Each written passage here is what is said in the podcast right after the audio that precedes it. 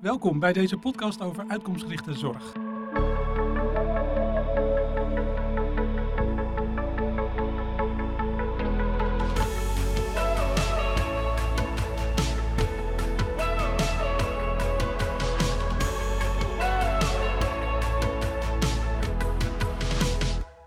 Welkom bij deze podcast over uitkomstgerichte zorg. We gaan het hebben over wat uitkomstgerichte zorg precies is en wat erbij komt kijken. En we hebben deze eerste podcast, die een eerste is in een serie van twee, één centrale hoofdgast en dat is Kees Ahaus. En hij is hoogleraar bij de Erasmus School of Health Policy and Management. En zijn onderzoeksinteresse is waardegedreven zorg. Welkom. Dank je Marcel. Ja. Als tafel hier is verder aangeschoven Kees Molenaar. Kees, je bent er deze keer bij, uh, maar volgende keer ook. Je bent verbonden aan het ministerie van VWS en eigenlijk al jaren bezig met het onderwerp uitkomstgerichte zorg. Een van de aanstichters, als ik het zo mag zeggen, van het programma Uitkomstgerichte Zorg. Ja, en je bent erbij om uh, ook vragen te stellen of antwoorden te geven af en toe. Uh, fijn dat je er ook bent. Ja, leuk. Ja, leuk om hierbij te zijn. Mijn naam is Marcel Broosens. Mijn rol is het geheel in zo goed mogelijke banen te leiden en we gaan beginnen. We gaan naar het eerste onderwerp. Dat is, wat is uitkomstgerichte zorg eigenlijk precies? Kees Ahaus, kun je dat in één of twee zinnen zeggen? Ja, maar het is niet zo makkelijk om dat in één of twee dingen te zeggen. Want het is een, uh, een onderwerp waar veel onder past. Hè, maar ja, het is een samenhangende benadering, zou ik zeggen. Om te streven naar waarde voor patiënten. Uh, dat kan gaan om, om, uitkomsten van zorg. Het kan ook gaan om uh, ervaringen met de zorg. het kan gaan om kwaliteit van leven. En daar is zeg maar alles op gericht. Hè. Dus, uh, en, en, dat begint eigenlijk bij wat de patiënt belangrijk vindt. Dat we dat weten en dat we ons daar uh, op richten. Maar ik zie in waardegedreven zorg of uitkomstgerichte zorg ook een hele energieke benadering waarin uh, zorgprofessionals de lead nemen om hun zorgpad te verbeteren. en dan denk ik aan dokters, verpleegkundige specialisten, verpleegkundigen, die, die dat onderwerp oppakken om hun zorgpad ja, te verbeteren, de prestaties te verbeteren in dat, in dat zorgpad. Vanuit hun, hun waardeteam. Ik zie het ook als een benadering waarbij zorgaanbieders, ziekenhuizen vaak, uh, in samenwerking met zorgverzekeraars op zoek gaan naar nieuwe manieren van bekostigen van zorg. Manieren waarbij meer gestreefd wordt naar samenwerking en waarbij meer gewaardeerd wordt als er prestaties worden bereikt. Dus het is een heel veel omvattende benadering. Als je nou de kernelementen eruit zou moeten halen, welke zijn dat dan? Ja, dat, dat is leuk. Ik, ik heb uh, in, in 2000, denk 2016, 2017 uh, uh, heb ik een aantal teams die daartoe mee aan het pionieren waren. Van Santion ziekenhuizen en ook daarbuiten trouwens wel. en ook, ook enkele UMC's heb, ik, heb ik eens opgehaald in interviews van... Ja, wat reken je nou eigenlijk tot die waardegedreven zorg of uitkomstgerichte zorg? er kwamen toen vier hoofdonderdelen uit. Um, waarde voor de patiënt natuurlijk. Hè, dus dan praat je over samen beslissen. Uh, wat doen met patient-reported outcome measures, patient-reported experience measures, proms in de spreekkamer, dat soort onderwerpen. Het tweede onderwerp was organisatie van zorg. Uh, dan gaat het over het zorgpad uh, verbeteren. Maar dan eigenlijk ook, ook eigenlijk de patiënt daar nadrukkelijker bij betrekken. Dat gebeurt nog veel te weinig. Dat we de patiënt betrekken bij het verbeteren van het zorgpad. Uh, het derde hoofdonderdeel was kosten en bekostigen. Ook zorgprofessionals zijn echt heel erg geïnteresseerd in. Ja, waar zitten eigenlijk de kosten in mijn zorgpad? Vaak onbekend ook. En het bekostigen, dat gaat over hoe wordt er betaald voor zorg. En prikkelt dat, stimuleert dat samenwerking en betere prestaties. En het vierde hoofdonderwerp was uh, sturen op kwaliteit. Dus uh, ja, kun je met, met dashboards, kun je PDCA-cyclussen, Plan, Do, Check, Act kun je uh, leren, kun je verbeteren uh, in, uh, in, in de zorg. Dus die vier hoofdonderdelen, waarde voor de patiënt, organiseren van zorg, kosten en bekostigen en sturen op kwaliteit. Dat, dat maakte toen deel uit van, zeg maar, van die benadering. Je noemde het net al even in één zin, waardegedreven zorg en uitkomstgerichte zorg. in deze conferentie waar deze podcast een onderdeel van is, noemen we het uitkomstgerichte zorg. Het programma waar de HLA-partners aan meedoen, heet ook zo. Is er voor jou een verschil tussen die twee termen? Um, nou, voor het gemak zou ik zeggen, laten we het als synoniem beschouwen. Uh, ik, ik vind die onderwerpen uh, heel dicht bij elkaar liggen. Het programma heet Uitkomstgerichte Zorg. Uh, Misschien omdat in waardegedreven zorg ook vaak wordt gekeken naar uitkomsten enerzijds voor de patiënt, maar ook anderzijds naar kosten. Um, ja, ik, ik vind het synoniem. Hè? En uh, ik wil het ook graag als synoniem behandelen en ja, er zo, mee, zo mee omgaan, zeg maar. Kijk, wat, wat misschien van de term waardegedreven zorg nog wel leuk is, dat, dat het gaat over wat is waarde voor de patiënt, maar het gaat natuurlijk ook over de waarden op de werkvloer dat, uh, dat er een verbetergerichte cultuur is. Dat, ja, dat er wordt, ja, wordt samengewerkt in dat zorgpad vanuit meerdere disciplines. daar, zit, daar liggen waarden aan ten grondslag. Nou, maar voor mij is het synoniem. Wat een mooie invulling, Kees, van, van waardegedreven zorg. Dat je de waarden van de werkvloer ermee verbindt. Ik hoor heel vaak dat waarde uh, wordt geassocieerd met de kosten. Ja. Zeg maar de uitkomst gedeeld door wat je ervoor hebt moeten investeren om dat voor elkaar te krijgen. Ja. En dat was voor ons eigenlijk de reden om het accent net naar de uitkomst te brengen. En niet op het geld uh, te laten rusten. Maar ik vind dat een hele mooie invulling door te verwijzen naar de waarden uh, op de werkvloer. Ja. Ja. Ja.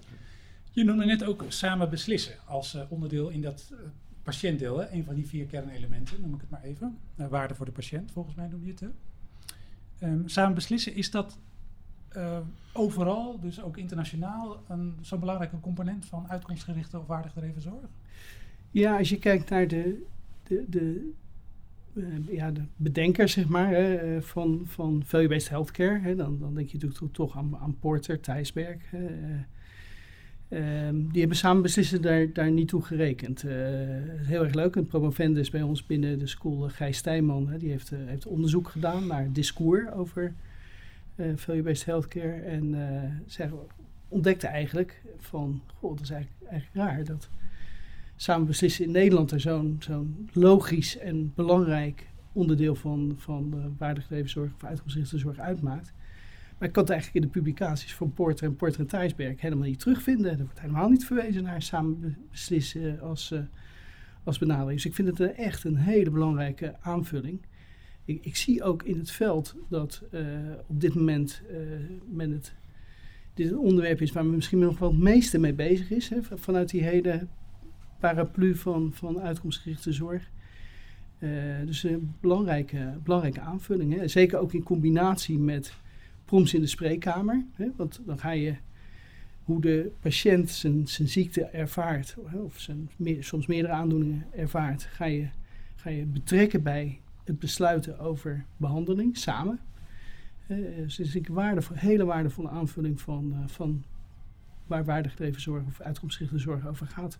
Heb je enig idee hoe het komt dat dat in, in ieder geval in Nederland, misschien ook in andere landen, maar er zo aan toegevoegd is, dat proces van samen beslissen?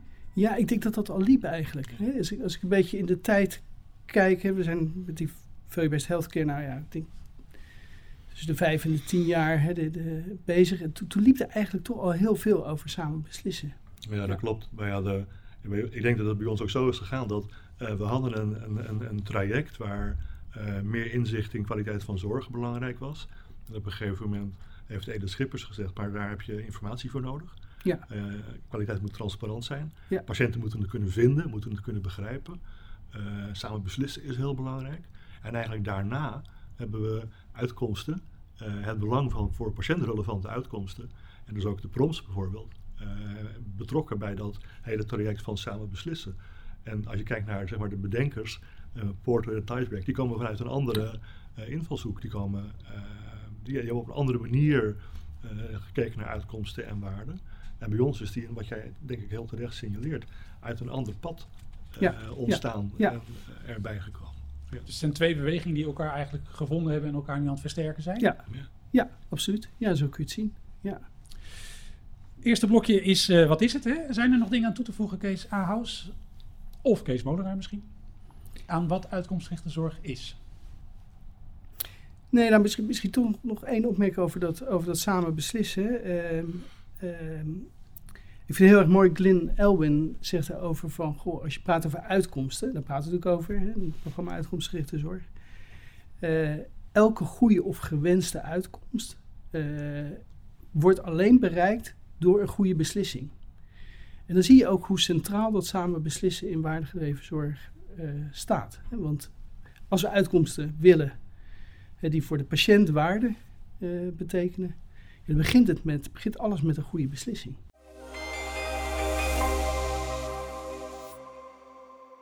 We gaan naar blokje 2. Wat vraagt het? Wat vraagt uitkomstgerichte zorg? Kees Ahaus, ik begin weer even bij jou, als je het goed vindt. Je noemde zojuist vier elementen van wat uitkomst, uitkomstgerichte zorg is. Waarde voor de patiënt, organiseren van zorg, kosten en bekostiging, sturen op kwaliteit. Laten we eens beginnen bij het, misschien het proces tussen patiënt en zorgverleners. Wat, wat vraagt die manier van werken van hen?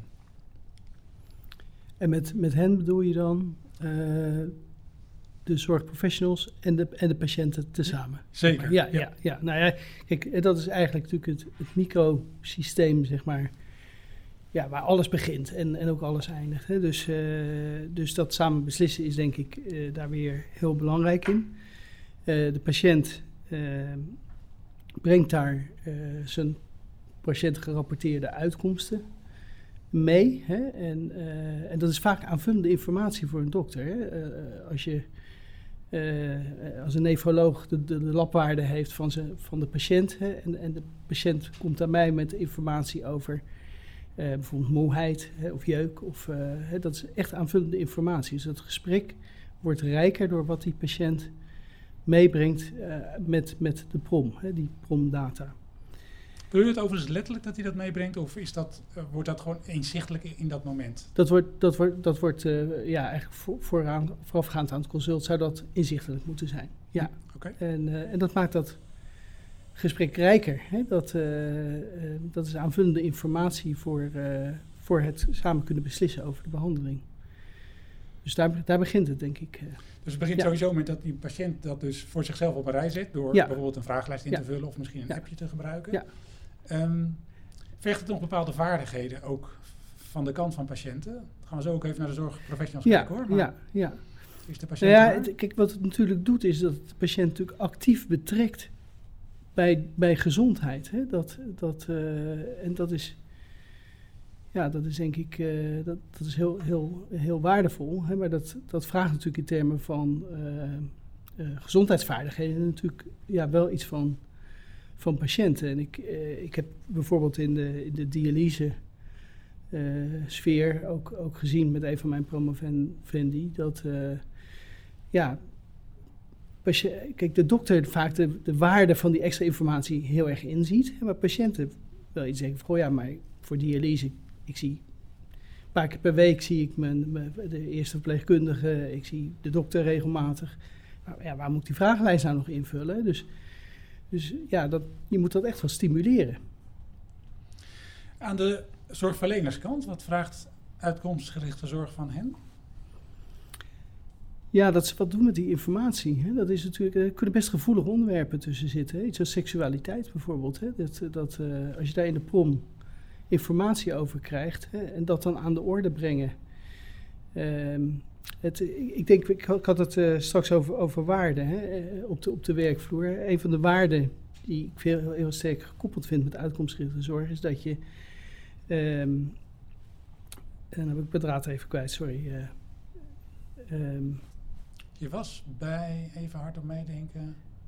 Uh, je, je, begon net, maar ik vertelde net over waarden, die waarden op de werkvloer. Ja, ja, ja. ja. Ik ging even die zin nog terugpakken. Ja, ja. ja dus ik, ik, vertelde straks uh, over waarden op de werkvloer. Hè. Een van die waarden is dat je uh, de patiënt niet ziet als iemand met een aandoening of een combinatie van aandoeningen, hè, maar dat je de patiënt als een hele mens ziet. Hè. En, en dan heb je die informatie, denk ik, heel erg nodig om het daarover te kunnen hebben. Dan vergemakkelijkt die prom, hè, want je, ja, je, je hebt de informatie. Ja, maar dan moet je natuurlijk nog wel aan de orde kunnen stellen en, en kunnen betrekken bij het samen beslissen over behandeling. Ja, ik stel me voor dat er allerlei communicatievaardigheden voor gewenst en nodig zijn. Ja, ja, ja. ja. En misschien, en, en, ook, misschien ook wel voorbereiding. Ja, voorbereiding. Misschien ook toch wel, uh, uh, uh, ja, ik ben niet geneigd om het zo te zien, maar misschien ook een klein beetje verlies aan autonomie, want je moet er wel iets mee doen met die informatie. dat, eh, ja. En Nivel liet vorig jaar in hun transparantiemonitor zien dat er wel va vaker uh, uh, informatie aan patiënten wordt gevraagd, die patiëntengerapporteerde uitkomsten. Uh, maar dat uh, in het beeld van de patiënten dat toch niet vaak genoeg terugkomt. Ja, uh, in ja. het gesprek wat ze dan daarna Ja. met de professional hebben. Ja, dat heeft natuurlijk ook vaak te maken met, eh, is er tijd voor? Eh, Maar ik denk dat het ook met vaardigheid te maken heeft. Je schetst dus eigenlijk dat, dat in dat gesprek brengen van uitkomstinformatie, eh, die voor een deel ook gaan over quality of life of over eh, kwaliteit van leven van patiënten, dat inbrengen, dat is eigenlijk een cruciaal onderdeel waar zowel patiënt als zorgverlener eh, ja, mee om moeten leren gaan. Ja, ja, ja. En dat is natuurlijk bij een, chronische ziekte is dat natuurlijk, ja, dat pak je op een gegeven moment denk ik ook echt op. Hè, dat, omdat de contacten natuurlijk frequenter zijn. Eh, en ik denk dat, dat ook de weg open komt om veel meer te gaan doen met informatie tussen de consulten in. Hè. Dat eh, een beetje traditioneel is, eh, dat je, je, de dokter zag op het moment van het consult. Maar hè, we kunnen natuurlijk veel meer informatie in de tussenliggende periode ook verzamelen hè, en, en in het gesprek inbrengen. Misschien een stapje of een sta- abstractieniveautje hoger. Hè? Eh, wat vraagt het van instellingen, van zorginstellingen? Hè? We focussen nu even op de medisch specialistische zorg, ziekenhuizen met name, zelfstandige klinieken, UMC's. Eh, wat, wat vergt het van, van die instellingen? Ehm, ja, ik, ik denk dat, dat ehm, belangrijk is dat het gefaciliteerd eh, wordt. Hè? dat dat dokters enthousiast worden, dat waardeteams worden gevormd. eh, ehm, dat zijn multidisciplinaire teams die zich rondom het hele zorgpad. Hè? Dus voor mij is altijd het vertrekpunt de patient journey. En daar ga je eigenlijk omheen eh, organiseren met een multidisciplinair team. Met een enthousiaste trekker, een enthou- enthousiaste clinical met eh, verpleegkundigen, verpleegkundige specialisten. met, heel belangrijk ook, hè, want uitgangsgerichte zorg is, is erg data gedreven. Dus ook een, een data-analyst toevoegen om, om zeg maar, het zorgpad op een hoger niveau eh, te brengen. Daar heb je data voor nodig, informatie voor nodig. Eh, dat, dat vormt dan eigenlijk het team rondom zo'n aandoening. Gebeurt dat al veel in de praktijk? Heb je daar zicht op in Nederland? Ja, met zeker. name? Ja, zeker. Ja, dat is de, de koploper ziekenhuizen hebben tientallen van dit, eh, de, dit soort waardeteams lopen. En ik, ik, ik merk dat die verspreiding in Nederland echt, echt groot is. Hè? Want we, we denken natuurlijk bij uitkomstgerichte zorg eh, natuurlijk aan Santion. Hè? We zien natuurlijk bij de UMC's veel gebeuren. Hè? Maar ook eh, de SAS, de algemene ziekenhuizen, daar wordt absoluut ook veel aan waardegedreven zorg al gedaan. Moet je, om, omdat er zoveel bij komt kijken, moet je dat als ziekenhuis of als ziekenhuisgroep oppakken? Of kun je ook als onderdeel van een ziekenhuis ermee aan de slag? Ja, ik denk dat de kracht juist is geweest dat het is van het veld, het is van de werkvloer. Hè? Dat, eh, ehm, dus ik kan op een gegeven moment me wel voorstellen dat het ziekenhuis zegt: Goh, eh, eh, we zien de goede resultaten ermee en het enthousiasme. En we willen dat breder, zoals we dat tegenwoordig noemen, uitrollen. Dat, dat begrijp ik natuurlijk wel op, op ziekenhuisniveau. Liefst ook nog ziekenhuisoverstijgend niveau. Eh, maar ik denk dat de kracht juist is geweest dat, dat, dat het op de werkvloer ontstaan is. Dat, en dat de dokters en de verpleegkundige specialisten en de verpleegkundigen de regie nemen over dit proces. Ik hoor jou niet zeggen, bedenk als instelling bij wijze van spreken een programma uitkomstgericht of waardegedreven zorg en eh, stuur dat je organisatie Ja. in, maar, maar faciliteer wat in de, Ja, eh, zeg ja. maar, eh, eh, op de werkvloer, als ik het zo mag zeggen, ontstaat en gebeurt. Ja, ik zie eerder het risico daarvan. Hè? Als je zegt, goh, hij gaat nu als een programma benaderen en iedereen moet. Hè? Want dit is, eh, eh, de, ja, we merken het enthousiasme eh, in die waardeteams. Eh, ik, ik zie daar ook een risico in. Hè? Dat, eh, ik denk dat het veel leuker is om het zelf te ontdekken met een team van multidisciplinair samengesteld eh, rondom de aandoening waar je dagelijks mee bezig bent. eh. En misschien niet alleen leuker, maar ook wel noodzakelijk. Dat je je eigen leercurve Ja. hopelijk versnelt, maar dat je het gewoon je eigen maakt. Ja, ja, helemaal mee eens. Ja. Nou begint dat een klein beetje te klinken als het wiel op allerlei plekken opnieuw uitvinden. Klopt dat of valt dat wel bij? Ja, ik, ik, ik denk dat je eh, voor een deel dat misschien is het ook wel goed hè, dat je ehm, eh, je eigen weg ontdekt. Hè, ik denk dat je natuurlijk wel wat kunt faciliteren, soms ook standaardiseren. Hè. We zien het rond de uitkomstensets zien we natuurlijk, of de sets van uitkomstindicatoren. Ja, hoe kun je nou een kleine set van indicatoren maken waar het eigenlijk echt om gaat. Hè? Dus eigenlijk dat je minder gaat registreren, maar meer informatie hebt. Eh, je ziet, ja, dat is natuurlijk wel prettig als je weet dat er in het land ook mensen over aan het nadenken zijn. Dat, dat moet je ook benutten natuurlijk. We maken misschien meteen maar dat stapje even. Wat, wat is er landelijk nodig? Want zorginstellingen zijn ermee aan de slag, professionals zijn ermee aan de slag, patiënten en patiëntenvertegenwoordigers. Um, en tegelijkertijd wil dit een soort grote beweging worden. Wat is daar landelijk dan weer voor nodig? Ja, dat, ik denk heel belangrijk dat het gefaciliteerd wordt. Dat, uh, dus ik zie de rol van het programma Uitkomstgerichte Zorg ook uh, dat het uh, dingen op gang brengt, dat, waar het nog niet op gang gebracht is. dat, het, ja, dat het faciliteert. Ik, ik, maar ik denk ook bijvoorbeeld bij, bij de rol van NZA, als het gaat over andere manieren van bekostigen, dat, en dat zie ik nu ook, dat NZA daarvoor open staat. En ja, dat, dus ik, ik noem dat een beetje vanuit de literatuur de stewardship role van de, van de overheid. Hè? Dat, dus het oppakken, het zorgen dat het op gang komt, dat vind ik hele belangrijke kenmerken. We gaan straks ook nog even het misschien hebben over de rol van de overheid. Ik, ik kan me ook voorstellen dat er, en ik weet niet of dat de overheid per se moet doen, dat kunnen misschien ook koepelorganisaties doen, dat er nou ja, afspraken, standaarden moeten worden bedacht. Uh, iets met ICT, ehm, data uh, op de goede manier op een goede plek opslaan en toegankelijk maken. Klopt dat? Is, is dat is er zo'n soort laag als het ware nodig om het uiteindelijk overal goed te kunnen doen? Ja, we werken natuurlijk uiteindelijk altijd binnen kaders. Hè. Uh, dus als het gaat over ICT, hè, ik heb net gezegd, uh, zorg is, is erg data gedreven. Hè, maar dan moet je wel toegang tot die data kunnen hebben. Hè, of moet je gegevens kunnen uitwisselen. en ik denk dat daar landelijk weer heel erg veel belang bij is. Hè, dat, maar verder denk ik dat het toch begint op de werkvloer. Ehm, eh, als je het ziekenhuis overstijgend bekijkt, dat er heel veel regionaal gebeurt. Uh, hè, dus dat uh, ja, een UMC dat samen doet met een topklinisch ziekenhuis in, een, in, in de regio. Maar ook samen met de huisartsen, soms zelfs samen met revalidatiezorg. En dat, dat is natuurlijk waardegedreven zorg zoals het bedoeld was, als een ziekenhuisoverstijgend uh, pro proces. Misschien nog even inzoomen op die bekostiging, want daar kwamen we net voorbij. Um, is er nu voldoende ruimte binnen het huidige stelsel om meerwaarde gedreven te gaan bekostigen of afspraken te maken over uh, zorg? Tussen zorgverzekeraar bijvoorbeeld en zorg, uh, zorginstellingen? Ja, ik denk dus wat, wat landelijk gebeurt. Hè. Ik noemde net de rol van de NZA, maar ik moet natuurlijk ook de rol van, van de zorgverzekeraars noemen. Hè. Ook, ook eh, in, in zo'n programma Uitkomstgerichte Zorg zullen zorgverzekeraars en zorgaanbieders veel meer gaan, gaan samenwerken.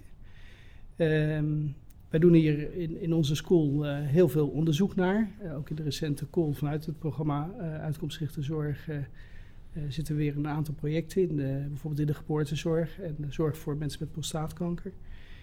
Um, en dan zie je eigenlijk dat we op zoek moeten naar, naar ja, alternatieve bekostigingsvormen. De gebundelde bekostiging wordt vaak genoemd. Of, wat is dat? Dat is dat, dat een, een, een, een groep van aanbieders uh, voor de hele activiteit in dat zorgpad een, een vaste prijs krijgt. Hè. Dat is, dat is en, en dat helpt natuurlijk de samenwerking te stimuleren. hetzelfde geldt voor pay for performance. Hè. Je kunt natuurlijk zeggen, goh, ik ga een bonus geven. Als, als er echt goede prestaties worden geleverd.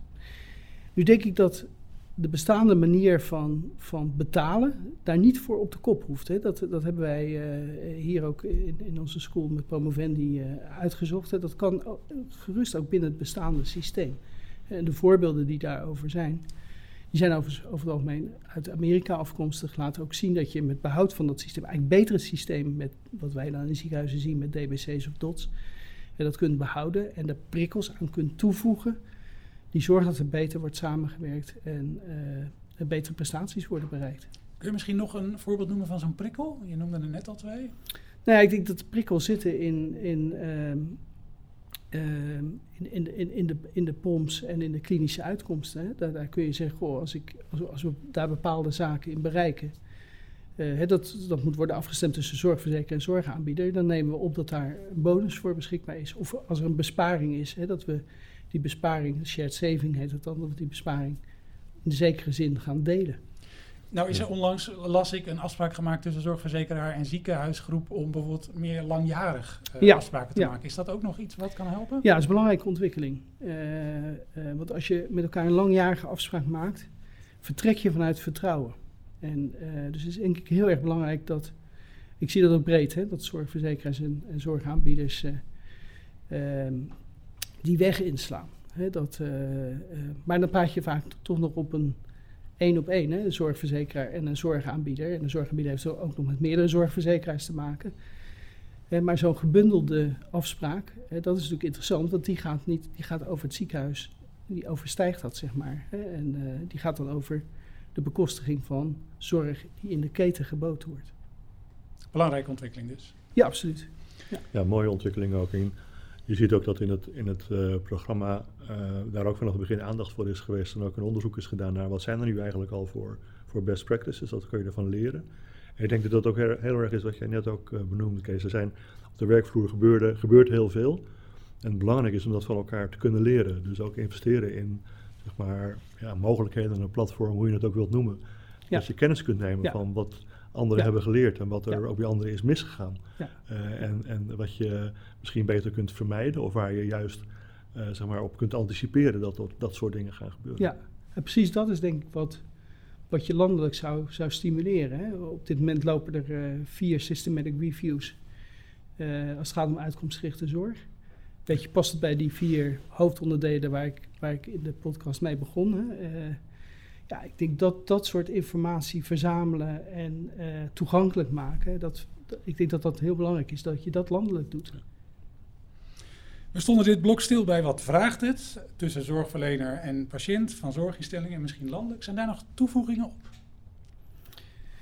Nou, misschien toch heb ik nog niet sterk genoeg benadrukt de, de rol van de patiënt wat op zeg maar, het verbeteren van het zorgpad. Hè? Dus, eh, eh, of anders gezegd, de patiënt in dat waardeteam. Dus ik heb natuurlijk benadrukt de patiënt, de actieve betrokkenheid bij de eigen gezondheid samen beslissen.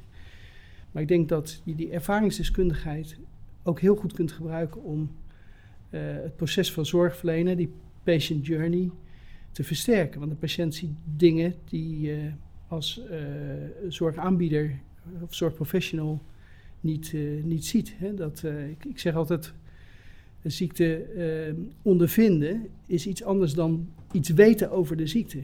Dus je moet die twee perspectieven bij elkaar brengen. Dat weten is anders dan ervaren.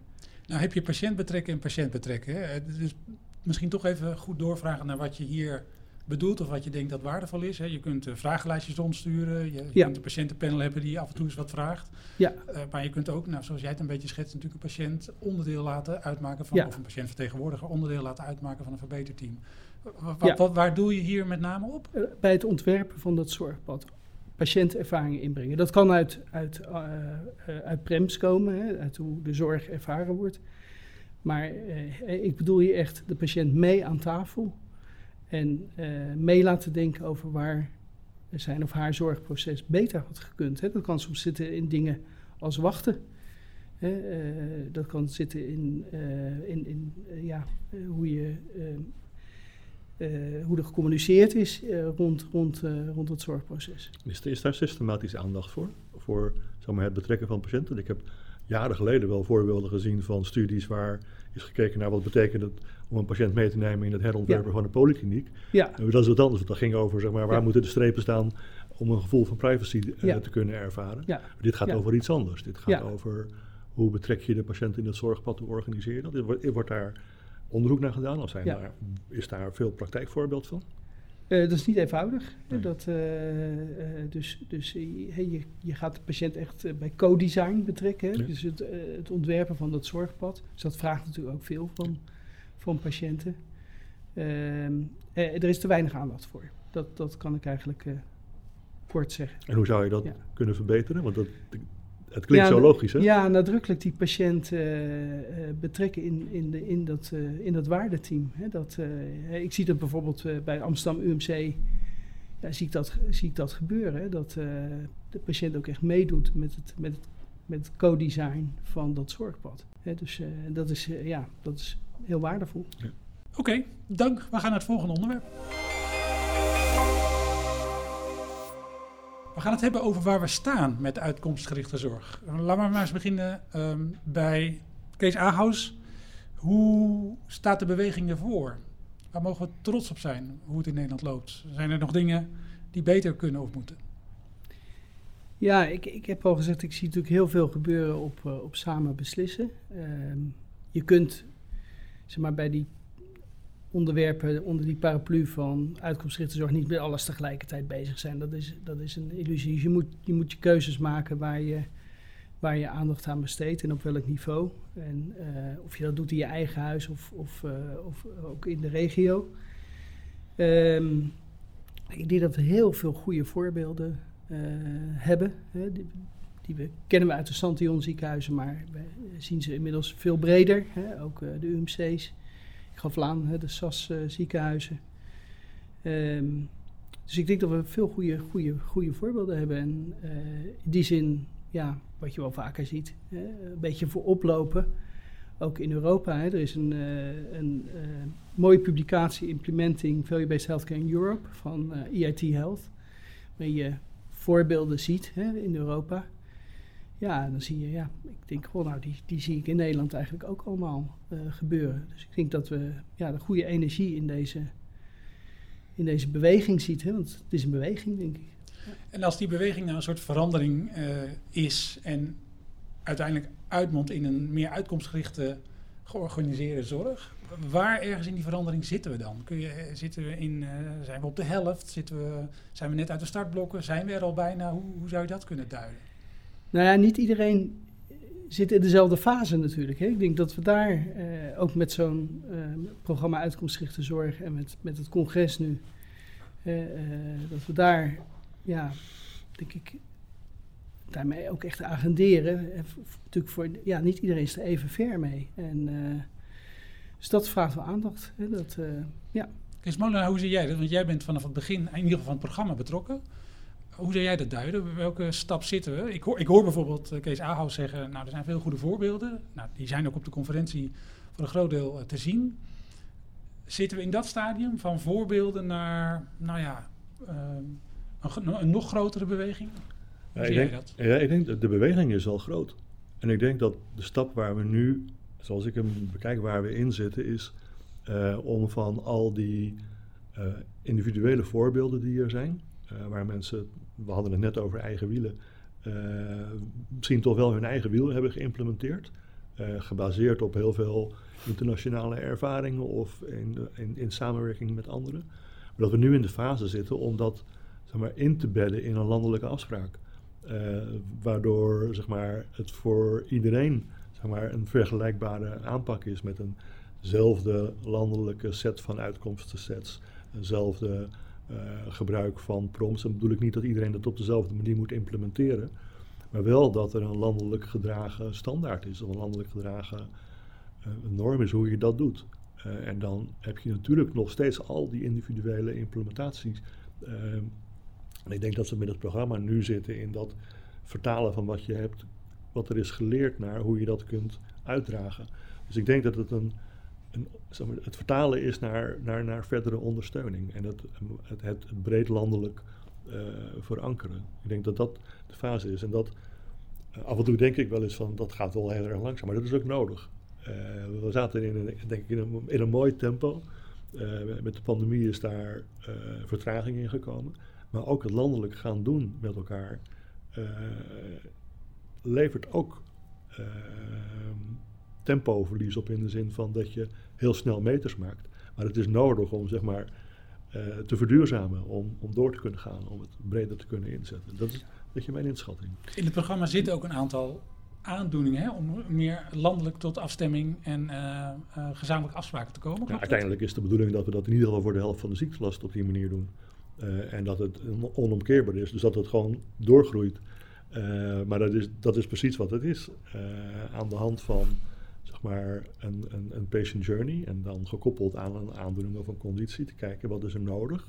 Op welke momenten moet je meten? Wat wil je dan meten? Hoe koppel je het terug? Hoe breng je het terug naar de spreekkamer?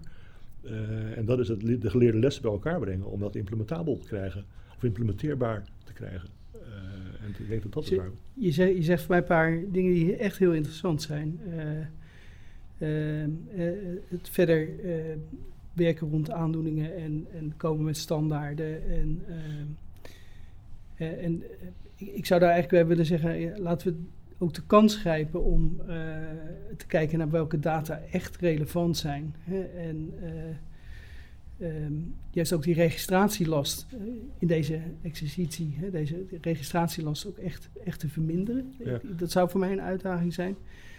Eh, een ander punt is dat eh, als je standaardiseert, hè, is, de, is de verleiding misschien groot om te denken eh, benchmarken ehm, en, en misschien nog een stap verder eh, verantwoording. Ehm, ik denk dat benchmarken in termen van leren super belangrijk is. Ehm, het, met het verantwoorden, ik, ik blijf liever aan de verbeterkant. Hè. Eh, dus verantwoorden is, eh, natuurlijk moeten we ons in, in de zorg verantwoorden.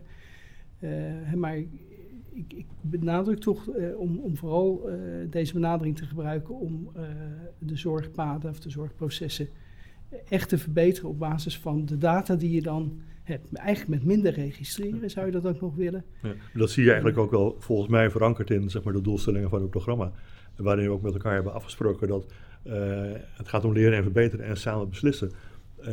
En direct daarna ook faciliteren van zorginkoop en vergelijking, keuzeinformatie voor patiënten. Dat is super belangrijk ook. Maar de- het staat niet voor niks in eerste instantie leren en verbeteren en samen beslissen. Ja.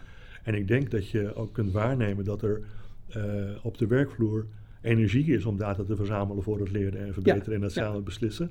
Terwijl als het gaat om verantwoorden, er gewoon chagrijn ontstaat. Ja, ja, Eh, en ja, ik denk dat dat ook een mooie beweging is. Herkenbaar. Dat je gewoon energie krijgt eh, van het leren en verbeteren. En dat de ervaren registratielast eh, daardoor vermindert. Ja. Eh, het maakt het werk leuker. Dat zijn allemaal dingen die daarin meespelen. Maar we moeten heel goed opletten dat we de goede dingen verzamelen. ja, En ik zeg dan we, maar ik bedoel niet de overheid daarmee. Even voor de duidelijkheid. Eh, dat er dezelfde goede informatie wordt verzameld voor leren en verbeteren. En samen beslissen. Ik denk dat de uitdaging is eh, een dataset te vinden die dat allebei ondersteunt. Ja. zonder dat het explodeert. Ik denk Ja. dat dat wel heel Ja. belangrijk is. En ik, ik denk bij die, die dataset ook dat ook nog wel heel belangrijk is. eh, Jan Hazelzet heeft dat eh, samen met Philip van der Wees denk ik heel mooi gezegd. Is dat je kijkt naar, zijn er misschien bepaalde generieke indicatoren? die een beetje kwaliteit van leven-achtige indicatoren. Of zijn het domeinspecifieke dingen die je in meerdere aandoeningen hebt? Hè? Denk aan pijn. en, en, en, en, ziektespecifieke indicatoren. En hou die set klein. Hè? Dat, en we baseren ons natuurlijk bij PROMS heel vaak op vragenlijsten die in het verleden in wetenschappelijk onderzoek hebben gebruikt. Maar die zijn vaak heel erg lang. Dus, eh, dus ja. om dat toch voldoende klein te houden is denk ik heel belangrijk. Ja, en nu je het hebt, die, die, die internationaal ontwikkelde vragenlijsten zijn ook vaak met een ander doel ontwikkeld. Precies. Eh, voor het ondersteunen van een verbeterproces in de praktijk. En niet direct gericht op de behandeling en het samen beslissen. Ik denk dat dat eh, vraagt ook nog wel goed doordenken hoe dat, dan, hoe dat dan verder moet en geïmplementeerd wordt. En je merkt het als iets nieuw is, dat de neiging is om er meer aan toe te voegen. ja, ja. En ik denk ja. dat de kunst is om dat, om dat, om dat klein te houden. Ja. En ik, ik herken wat je zegt. En misschien, als ik naar het programma kijk, dan zie je dat er een, een groep aandoeningen eh, wordt opgepakt waar kwaliteitsregistraties voor beschikbaar zijn. ja. En de groep Ja. waar dat niet is. Ja. eh, en bij de groep waar dat niet is, is zeg maar de, de uitdaging en de kans om daar met zo'n generieke bron mogelijk te gaan werken. Ja, Eh, om toch versneld informatie die voor de patiënt relevant is te verzamelen. ja, ja. En te kijken hoe je dat dan gaat verbinden aan bijvoorbeeld een kwaliteitsregistratie. ja. Maar dat is, dan begin je aan iets nieuws, zeg maar. Er is er niet een, eh, een, een overigens hele waardevolle, eh, maar historie met data verzamelen. Ja. Dus, Je, je doet een pleidooi om die datasets klein te houden. hè. Je noemt net ook registratielast beperkt houden. Waarom is dat ingewikkeld? Want het klinkt heel logisch. Ja, dat heeft alles natuurlijk te maken met. Kijk, een go- goede vragenlijst eh, wordt vaak wat langer. Hè, eh, omdat je er allerlei eisen aan stelt. Hè, dat, eh, die natuurlijk te maken hebben met validiteit en betrouwbaarheid. En en dat, maakt, dat maakt vragenlijsten vaak wat langer. Hè, dat, En hoe, Ja. hoe hou je het dan En- toch beperkt? Of hou je nou het dan toch heel, klein? heel kritisch te zijn over, over wat je precies wilt weten. Dat, dat, dat is denk ik. En is er dan een verschil, Kees, tussen wat je eh, zeg maar aan de eisen stelt voor eh, betrouwbaarheid, validiteit, als het zou gaan om wetenschappelijk onderzoek, of als het gaat om zeg maar, het direct toepassen in de spreekkamer? Stel je dezelfde eisen aan het gebruik in de spreekkamer als voor wetenschappelijk Nou ja, je, onderzoek? je wilt natuurlijk, in elke vragenlijst wil je natuurlijk het concept meten waar je wat over wilt weten. Hmm. Dus ik denk dat dat in wezen niet zo verschillend is. Maar ik denk wel dat je heel goed kunt kijken van ja, wat, wat ga ik precies inzetten. Dat, eh, en ik, ik vertrouw er ook op dat dat gebeurt. Ja, die, ik, ik vraag dat ook omdat ik eh, ook van professionals hoor dat zij zo blij zijn met het uitvragen van data, omdat het ze, wat ze noemen real world data oplevert. Ja, Eh, ja. Waar je gewoon onderzoek kunt doen zonder dat het zeg maar een, gese- een geselecteerde populatie is. ja, eh, met meerjarige studies. Je kunt gewoon Ja. in een korte tijd heel veel data verzamelen. ja, ja, Eh, ja. En eh, dan hoor je als tegenwerping, maar zeg maar de wetenschappelijke validiteit zou dan, is dan een vraagpunt. ja. dat is waarom ik het ook nog even Ja. noemde. Nee, dat is een goed punt. Ik, ik, ik denk dat, dat het. ik kijk natuurlijk naar, naar prompts vooral in de zin van wat kun je ermee in de spreekkamer. Maar ik denk dat dat op zich voor onderzoek heel mooi eh, inderdaad real-life da- data oplevert. En eh, eh, waar je ook, ook wat mee kunt. Dat, ja. Ik vroeg net even hoe gaat het in Nederland? Je hebt al een klein beetje gezegd hoe het in internationaal perspectief ervoor staat. Maar hoe, hoe doen we het? We zijn natuurlijk een land wat graag zichzelf een beetje op de borst klopt. Dus laten we dat niet te snel doen. Maar hoe, hoe doen we het in Nederland als het gaat om uitkomstgerichte zorg? Vergelijking tot andere landen Ja, ik denk op veel terreinen zo, hè, die we natuurlijk hebben besproken, zo samen beslissen, denk ik dat we, dat we voorop lopen. Eh, ik denk rond bijvoorbeeld het bekostigen eh, van zorg, dat, eh, dat er veel goede voorbeelden nog vooral uit Amerika gehaald moeten worden. Hè? En of zeggen we, ja, maak het nog iets complexer, hè? Een bekostigingsafspraak over een keten. Hè? Ik ken hier in Rotterdam hebben we de, de, eh, de st- strook, eh, hè, de zorg voor, voor mensen met een beroerte, hè, waar, waar Erasmus MC samenwerkt met een aantal ouderenzorgorganisaties, met een revalidatieorganisatie, met Zilveren Kruis als zorgverzekeraar, daar een betaalafspraak heeft gemaakt. Nou, dat is nog heel, eh, dat is een unicum. Hè, Mhm. dat, dat zien we nog heel weinig. Daar is nog wel een hele weg te gaan, denk ik. Kun je iets zeggen over de rol die, Nederland, eh, sorry, die de overheid in Nederland inneemt? Ehm, die zou je kunnen kenschetsen misschien als faciliterend. Ehm, hoe, Ja. hoe gaat dat in andere landen? Ja, ik, ik, ik denk dat, dat als het om, om eh waardegedreven zorg gaat, dat, dat eh, als ik kijk naar Duitsland, Scandinavië, eh, Engeland, waar ze notabene de, de, de, de NHS hebben, de, de, zorginkoper en, en zorgaanbieder tegelijkertijd. hè, Zo'n één grote organisatie. eh, maar als ik, bekijk ten opzichte van die landen, zie je toch dat dit eh, gedachtegoed vooral vanuit de werkvloer eh, ontstaat. En, eh, dus ik zie niet een heel grote overheidsbemoeienis. En ik, nou, dat heb ik ook al eerder gezegd, het faciliteren, eh, het, het proces op gang brengen. Hè. Ik denk ja, waar, waar we nu staan hè, met zo'n congres. Ik denk dat dat eh, een hele belangrijke rol van de overheid is. En dat is wat ik eerder noemde, die stewardship eh, rol. Ja, en je ziet dus ook niet dat andere landen, dat, die, dat de overheid daar een andere rol kiest. Een, Nee, een meer dwingende of sturende rol. nee. En ik vraag me af of het zou werken. Ja, we kennen het voorbeeld van Singapore, eh, Ja. wat, eh, waar de overheid een hele dwingende rol Ja. eh, kiest Ja. eh, om value-based healthcare te implementeren. Ja, ja. Eh, en ook heel erg ingestoken door die value equation eh, en geld gedreven. ja. Ik zeg het heel kort door de bocht.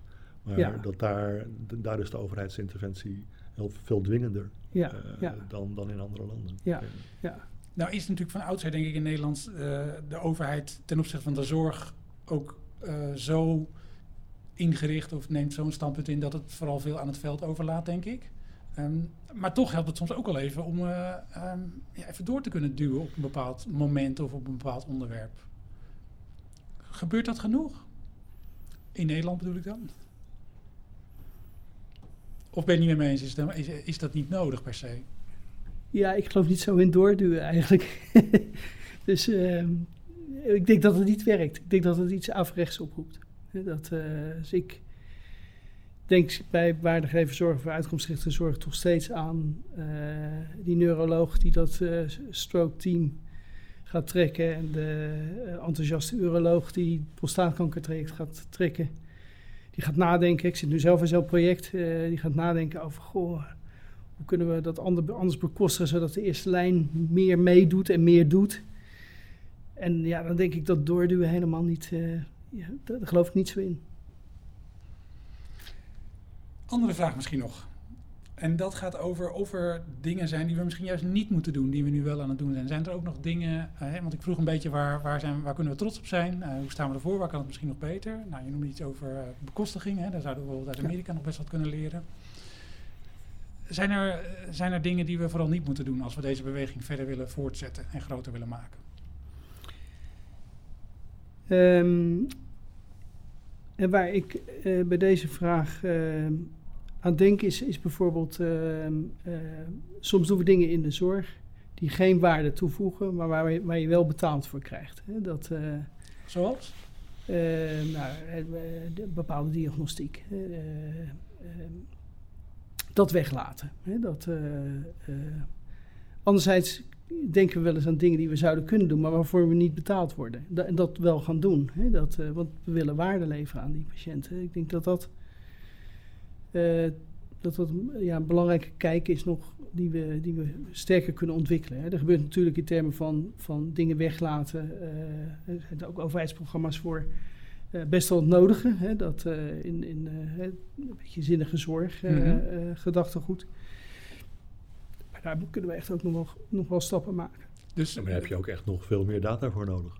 Ja, ja. Om ja. dat ook te kunnen laten zien. Ja, ja. Ik herinner me een gesprek wat we hadden met, met de Santion, eh, met een aantal Santion eh, mensen. Eh, raar om ze zo te noemen, een aantal mensen die in Santion ziekenhuis werken. over, kun je informatie over zo'n interventie die je eigenlijk niet wil doen, waarvan je denkt dat levert geen waarde meer op, aantoonbaar heeft dat geen toegevoegde waarde, kun je die informatie dan zo presenteren dat je het de patiënt ook kunt uitleggen. Want die wil dat onderzoek wel graag hebben. Ja. ja. En, en hoe kun je dan zeg maar uitkomstgerichte zorg of patiëntgerapporteerde uitkomsten of kwaliteit van leven, informatie die je verzamelt, ook meenemen om een patiënt uit te leggen dat het niet helpt. Ja, daar gaan we natuurlijk, ik denk met artificial intelligence nog een hele stap maken, denk ik. Eh. We gaan naar het vierde en laatste blok en dat is de vooruitblik. Net viel het woord artificial intelligence, dus we stonden al met één been in de toekomst. En dat riep in jouw reactie op Kees Molenaar. Ga je gang. Ja, dat riep in mij een reactie op omdat ik onlangs tijdens een eh, conferentie een Amerikaanse arts hoorde zeggen dat hij met al die data zo blij was, omdat hij dan voorspellende geneeskunst kon gaan doen, predictive medicine. Hij kon dan patiënten gaan laten zien wat de bij hen verwachte uitkomst is. En dat riep bij mij wel vraagtekens op, omdat zeg maar, bij uitkomstgerichte zorg wij vooral nu kijken naar het in beeld brengen van wat zijn de uh, resultaten geweest van de verschillende behandelingen zodat je kunt vergelijken en kunt kiezen tussen wat goed bij jou past. Dat is een hele andere benadering dan, dan predictive medicine. Hoe kijk jij dan aan tegen het met behulp van artificial intelligence kunnen eh, voorspellen of willen voorspellen van een uitkomst, een resultaat van de behandeling uh, bij een bepaalde, bij een specifieke patiënt op basis van zeg maar, de verzamelde uitkomsten van alle vergelijkbare patiënten? Ja, ik denk dat, dat uh, dokters misschien door artificial intelligence wel een, uh, een, een, rijker palet aan, aan, aan data hebben. Uh, ik denk dat zij er zelf altijd heel erg centraal in, in blijven staan. dat, dus ze zullen meer hulpmiddelen krijgen in, in de toekomst. en um, het gebruik van, dat, dat ben ik met je eens, het gebruik van uitkomsten in het gesprek met de patiënt Ehm, zoals we daar nu mee bezig zijn, is wel echt iets anders. Hè? Dus uh, dat, ik denk dat het goed is om dat wel echt uit elkaar te houden. Ik, zie predictive medicine misschien wel. Ik zie dat er wel stappen gemaakt worden. Ik, zelf ben daar heel erg geïnteresseerd in, met name de acceptatie door dokters en door patiënten. Uh, daar, daar, daar, voorzie ik dat we onderzoek uh, in zouden willen doen. Ehm, en ik denk dan niet dat het zo is, hè, als de dokter die je op het congres hoorde praten, dat elke dokter daar even enthousiast over is. Hè. Dat, ik kan me voorstellen dat dat niet zo is en dat dat, dat ook zijn weg zal moeten vinden. Wat, wat bedoel je met die acceptatie? Waarom, waar, waar haakt die dan? Neemt dat iets van je vak weg of zo? Moet ik het zo zien? Ja, je zou kunnen zeggen, toch, toch misschien iets aan autonomie. Uh, want je moet wel iets met, met, met die gegevens, met die data. Uh, ja, terwijl ik denk dat, dat de, de expertise of de, de, de, kennis van de dokter wel heel erg centraal blijft staan. Dat, uh, dat mogen we niet vergeten. Nu we toch in de toekomst uh, zijn beland, was ik nog even benieuwd, of ben ik nog benieuwd naar de invloed van e-health. Uh, of apps bijvoorbeeld, dashboards, dat soort dingen. We hadden het net even over die vragenlijsten waar patiënten toch op een of andere manier doorheen moeten als ze hun uh, ervaringen willen delen met bijvoorbeeld de zorgverlener. Dus moeten dingen invullen. Zie je nog voor je dat, zien jullie nog voor je dat e-health dat makkelijker gaat maken? Dat door apps wearables, zoals het dan heet, dingen die je op je lichaam hebt, die gewoon automatisch dingen registreren. Gaat dat makkelijker worden? Nee, Gaat ik, dat helpen? Ja, ik, ik heb eerder natuurlijk gezegd, uh, zeg maar, iets doen met de periode, zeker bij een chronische ziekte, tussen twee ontmoetingen, hè, tussen dokter en patiënt in. Ehm, een actieve betrokkenheid bij gezondheid. Ik denk aan, aan leefstijlachtige issues. Ehm, dat soort apps daar komen, daar Ja, die zijn er. Daar, daar, daar, daar, komt data uit. Ik denk even aan dingen als, ook als thuismonitoring. En zie je toch een enorme vlucht, uh, vlucht maken. Ja, dat is denk ik informatie die je allemaal weer meeneemt naar, naar dat consult. Hè. Dus daar, daar zie ik wel echt een grote ontwikkeling. Uh. En misschien ook wel in het voorkomen van een consult. Of misschien juist ja. eerder, eerder naar je toe halen van de patiënt, omdat je iets ziet. Ja. Ja, en die leefstijlinterventies zijn natuurlijk ook heel vaak ja, preventief. Hè, om te voorkomen dat, uh, dat ziekte optreedt of verergert. Of, ja, ik dacht ook niet alleen aan leefstijl, maar ik herinner me een voorbeeld uh, waarbij een, een, patiënt die aan zijn knie was geopereerd, uh, ook met een app iedere dag even registreerde hoe het met de pijn was. Ja. en ze bij controle zagen dat, die, dat deze man s'morgens meer pijn had dan s'avonds. En dat, dat is niet goed. Hoe kan dat? En toen belden ze en toen bleek dat ze vergeten waren om te vertellen dat hij s'nachts een kussen onder zijn knie moest leggen. En dan helpt die informatie enorm om een interventie te doen, om snel te helpen. Dat is dan heel klein, maar je kunt ook iemand gewoon sneller op consult vragen als je iets ziet of zeggen van, nou, het ziet er allemaal prima uit, je hoeft niet te komen. Ja, dat zou natuurlijk heel mooi zijn als je dat soort dingen voor elkaar kon krijgen. Het kan zorg voorkomen. Ja. Ja. Misschien in het verlengde hiervan, als we nou eens 10, 15 jaar of iets minder lang vooruit kijken, en we denken deze beweging door, uitkomstgerichte zorg. Hè. We, gaan, we, denken door dat die zich blijft uh, uitbreiden. En ook naar andere, hè, dus dat er ook verbinding ontstaat, bedoel ik, tussen allerlei vormen van zorg. We hebben het nu vooral over medisch specialistisch, maar er zijn natuurlijk allerlei zorgdomeinen, om het even zo te noemen.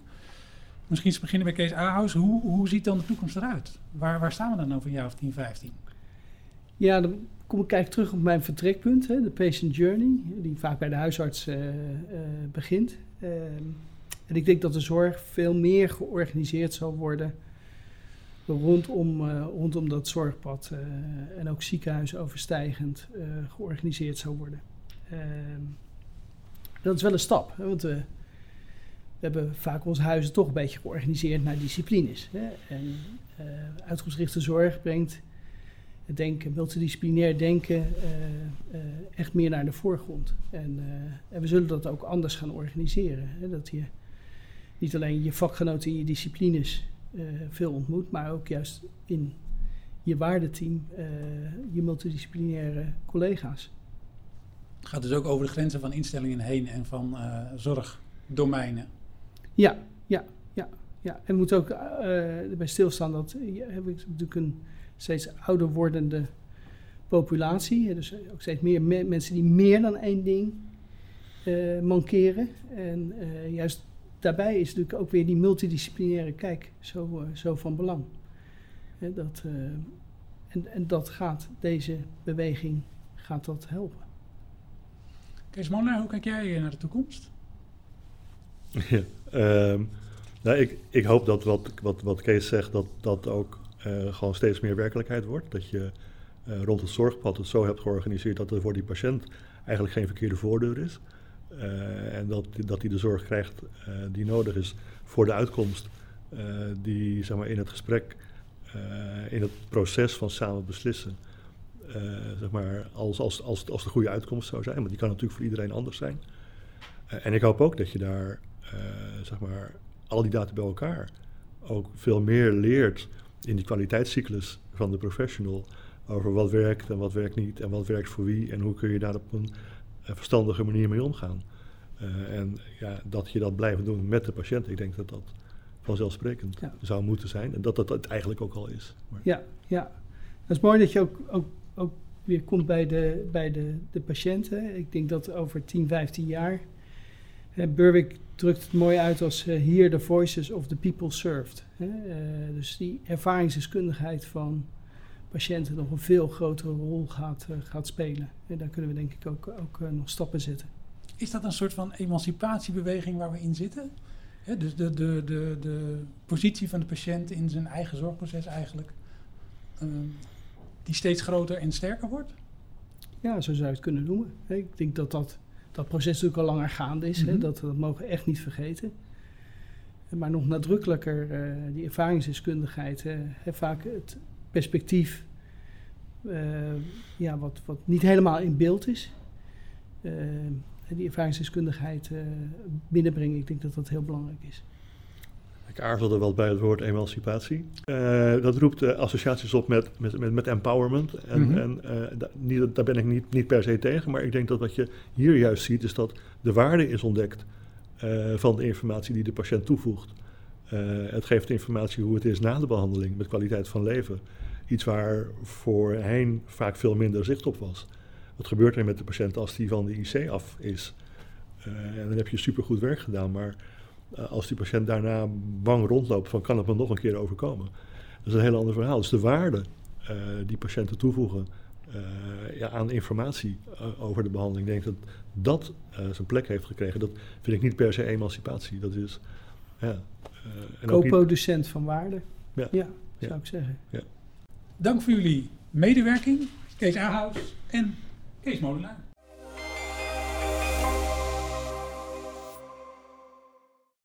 Dit was de podcast. Uh, het is de eerste in een serie van twee. Uh, de tweede komt of is beschikbaar, afhankelijk van wanneer je dit luistert. En daar zoomen we in met Haske van Veenendaal en Jasmijn de Lange op samen beslissen. Rest mij te zeggen succes met uitkomstgerichte zorg in je praktijk.